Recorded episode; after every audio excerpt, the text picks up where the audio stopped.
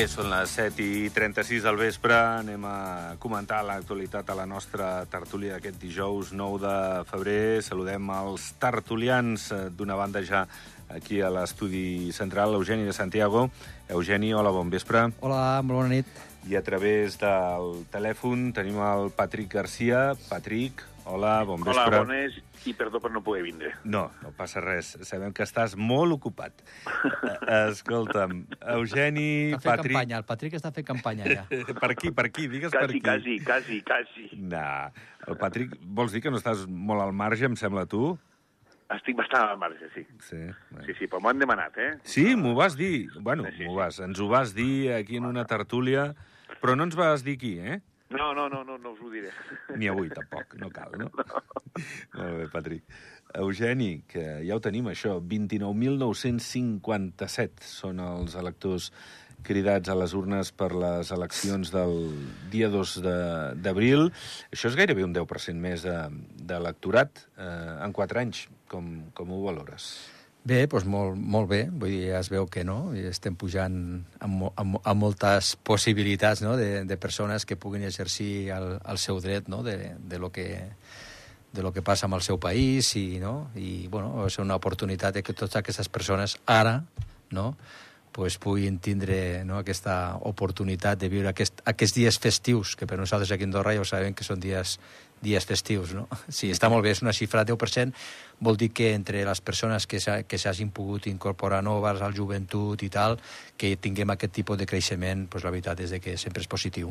Sí, perquè segurament el vot també és més just, perquè hi ha més gent que, que vota.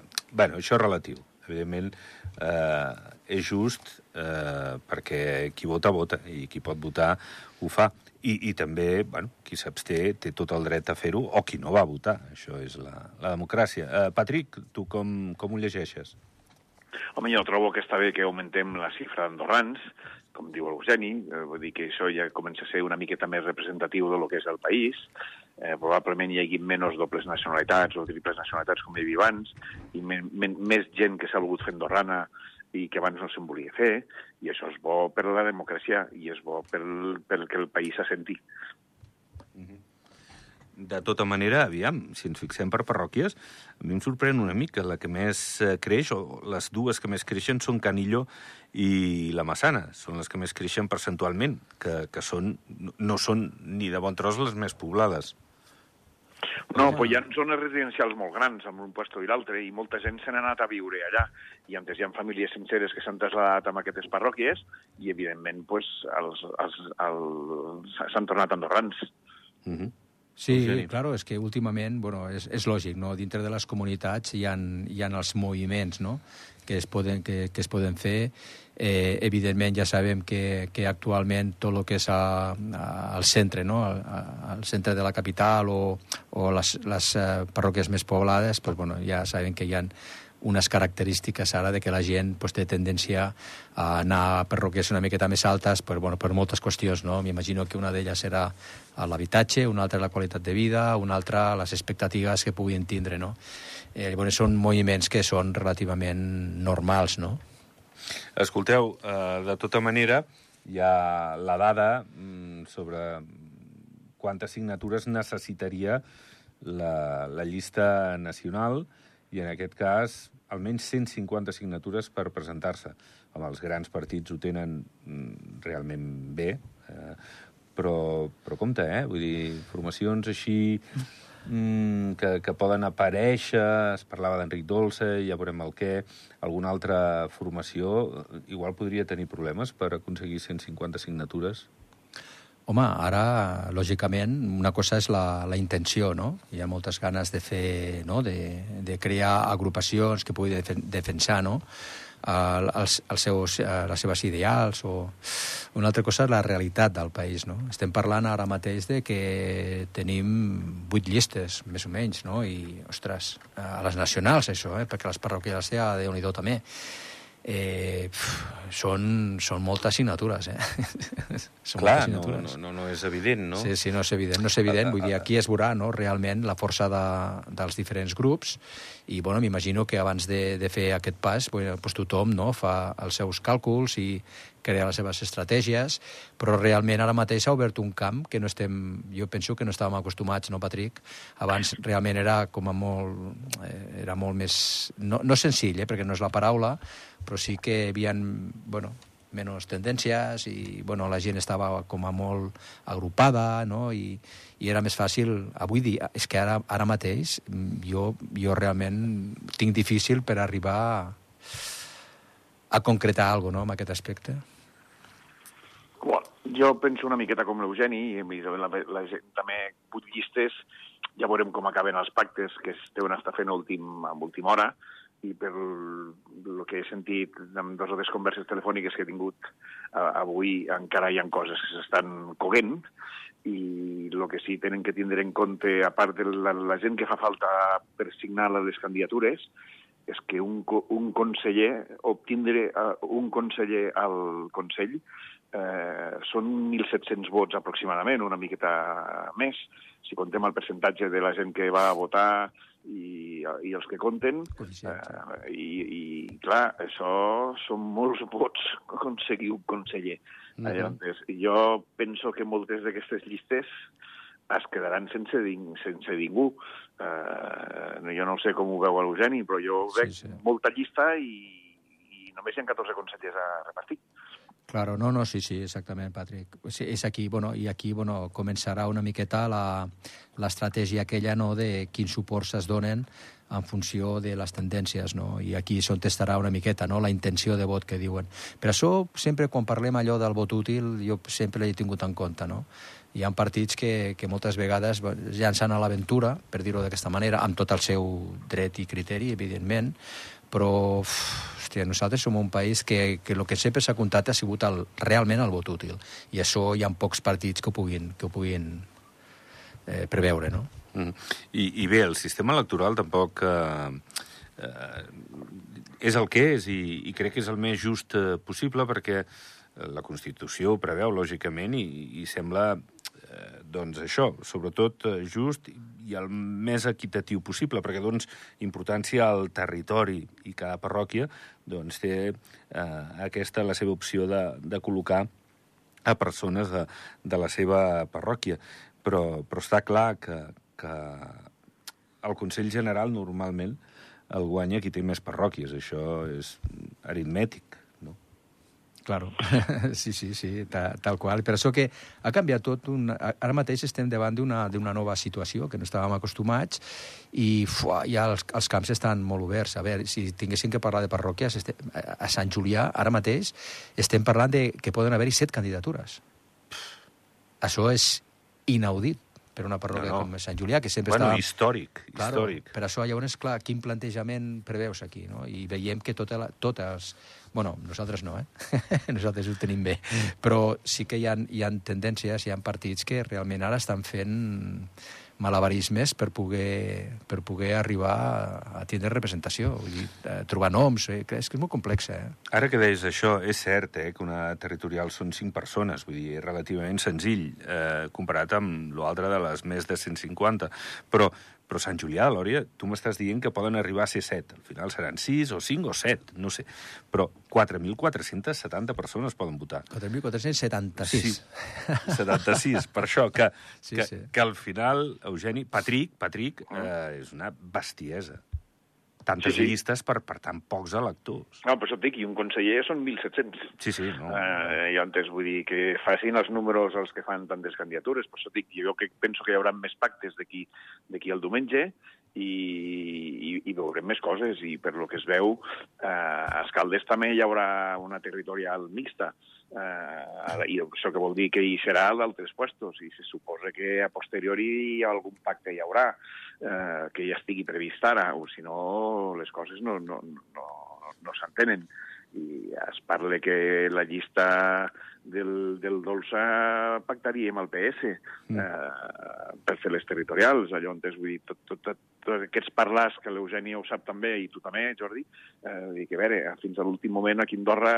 és, és així, i, i, i ja veurem qui té les, les signatures de les llistes nacionals Eh, no, no és fàcil, ho dic per experiència pròpia, i per les territorials eh, tam també fa falta. Mm.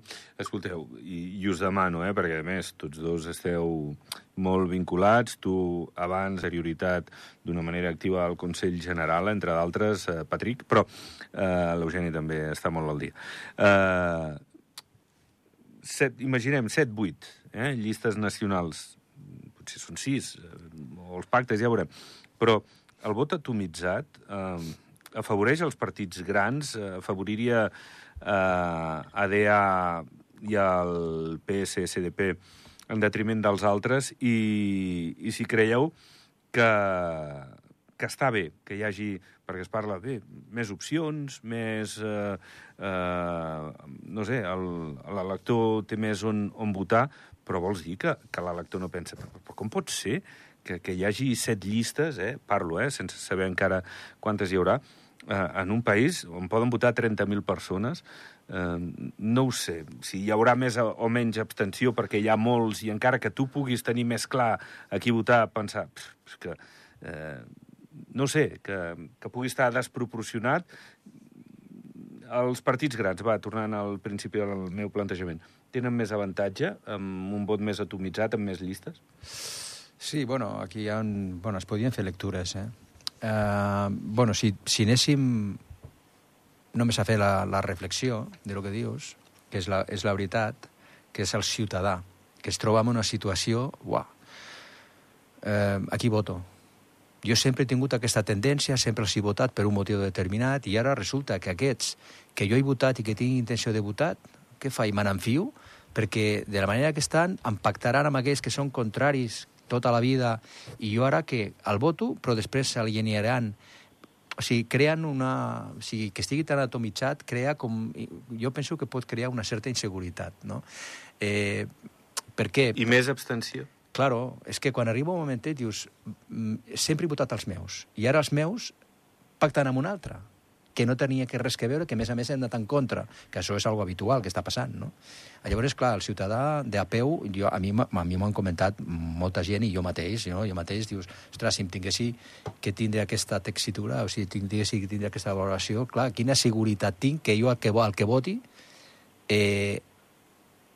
és el que voto i a la fi no hi ha un pacte. O algun claro, llavors de... el vot atomitzat que sí, tenim sí. és que són 6, 7, 8 candidatures. Sigui, és que és algo, i per això t'he dit al principi, no? que és algo que no, bueno, no havíem viscut mai, que és una situació nova per tothom. Jo penso que inclús per, per la pròpia política, no? és una situació que a veure com, com la gestiones, no?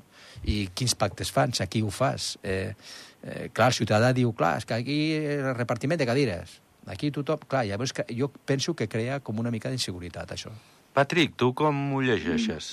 Jo una miqueta com l'Eugeni, afegint-hi que dependrà molt dels noms que hi hagin a la llista aquesta vegada, a les diferents llistes, hi haurà noms que restaran més que no pas sumen, i això doncs, els partits eh, grans ho tenen més fàcil, com diu l'Eugeni, per, per arreglar-ho i per no ficar certa gent, però en funció d'on els fiquin poden perdre més per lo que diu l'Eugeni. La gent està cansada i a lo millor estaven acostumats a fer votar d'una manera i a lo millor aquesta vegada pues, no votaran en funció de qui vagi i després miraran als altres el que hi ha a l'entorn i a l'entorn, en funció dels noms que hi haguin, pues, pues poden fer sopesar el vot d'un costat a l'altre o una més cap a l'abstenció. Això, això està claríssim. Exacte. Ara parlaves de, de l'abstenció, Patrick. 68% eh, de l'electorat va votar fa 4 anys. Es parla de la desil·lusió, una mica el desinterès dels joves. Um, bueno, com, com pots cridar a, a les urnes a, a la gent? Ha de ser una campanya molt activa, eh, diferent a les que hem viscut eh, els últims anys, més proactiva a nivell de xarxes. Com, com pots fer que, que aquesta abstenció no baixi? Pujant al nivell dels noms. Eh, que, el, que, el, que els polítics que vagin a les llistes realment la gent del carrer eh, sàpigui i pensi de que aniran a defensar-los amb ells i no veure algunes batalletes que hem vist eh, aquests últims anys eh, que fan, fan, fan fredor. Eh, jo trobo que el nivell ha baixat molt Eh, I llavors això dona molt desencís al, a, la, a la gent que vol anar a votar. Diu, per què tinguin a votar si, si em faran el mateix? I això és el que pensa la majoria de la gent. I eh, això només passa que per, per pujar el nivell de, de les llistes electorals, que és, que és complicat, perquè hi ha molta gent que no hi vol tornar a fer política. Mm -hmm.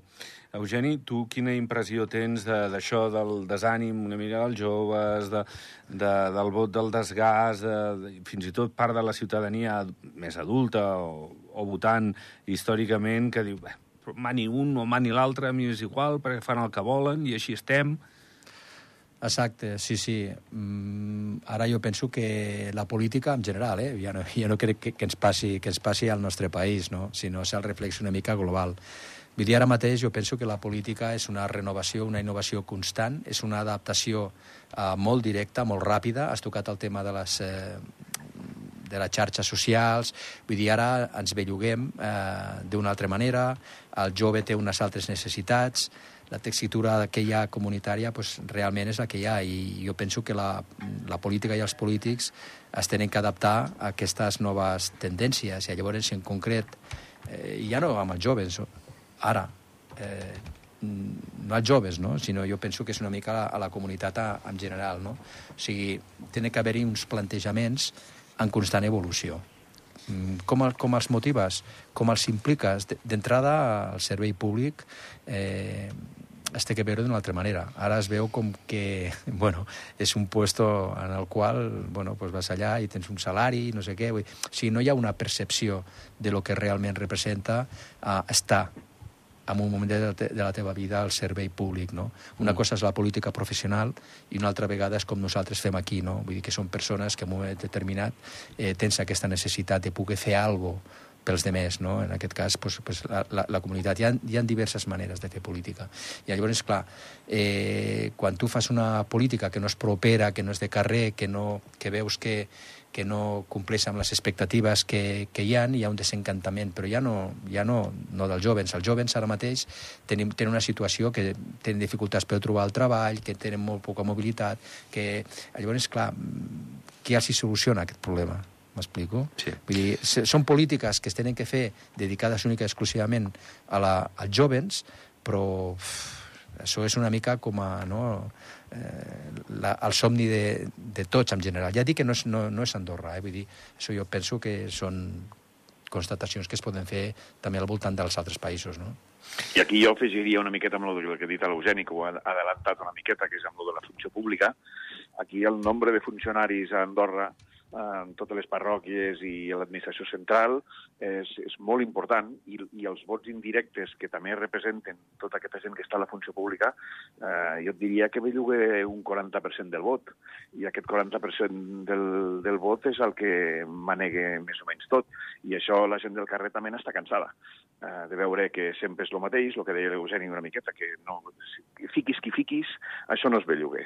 Eh, continues tinguent funció pública a dojo, eh, continues eh, augmentant els impostos perquè quatre se'n beneficin, etc etc. I això és el que deia una miqueta l'Eugeni. Això, més que les xarxes socials i més que això, la, el, el reflex, les xarxes socials el que fa és que aquesta informació circuli molt més ràpid. Uh -huh. I llavors eh, la, la gent s'hi fixa molt més ràpid. I llavors tot el que es fa malament eh, que potser no són tantes coses, però la gent del carrer és el que es fixa. Claro. Sí, no, sobre... no, no es fixen en el que bé. Exacte, Patrick. I, i sobretot jo penso que això ja es, eh, té que formar, tindria, tindria que formar part una miqueta de la, de la base des, de, des, del, des de, dels més petits eh, se'ls té que passar aquest, uh, aquest esprit no? de, de que un país se'l fem entre tots, no? aquell dit famós no? de que, va, que, que deia, que ho hem repetit moltes vegades, no? el John Kennedy, no? quan deia aquella famosa paraula que apliquem moltes vegades, no? de, de que a la ciutadania ell se deia no es tracta de lo que el país pot fer per tu, sinó el que tu pots fer pel teu país. No? I llavors és com que que ja es fa, eh, perquè als comuns, per exemple, ja s'intenta apropar als nens que estan dintre dels consells d'infants, o sigui, intenten apropar, eh, sobretot als comuns, aquesta manera, inclús al Consell General, no?, els jovens fan, fan consells de sí, joves. Sí, Exacte, jo sí, penso sí, que, comuns, que l'educació, l'educació és molt important, no? Uh -huh. O sigui, que des de molt petits tinguin en compte el que és el servei públic, el que és la, no? eh, eh, està treballant, perquè aquí a Andorra, més que, torno, no? que més que polítics, que sí que tenim polítics ben formats i que realment ostres, estan en el lloc que li pertoquen, però la majoria dels que podem optar no, a entrar a un comú o entrar a un Consell General, doncs clar, ho fem més des de l'esprit del servei públic, no? està al servei públic, i tu poses capacitats, habilitats i el teu temps no? per intentar ajudar, no? però clar, jo penso que ara és minoritari i molt sectari, vull dir, són de persones que, com tu has dit, no?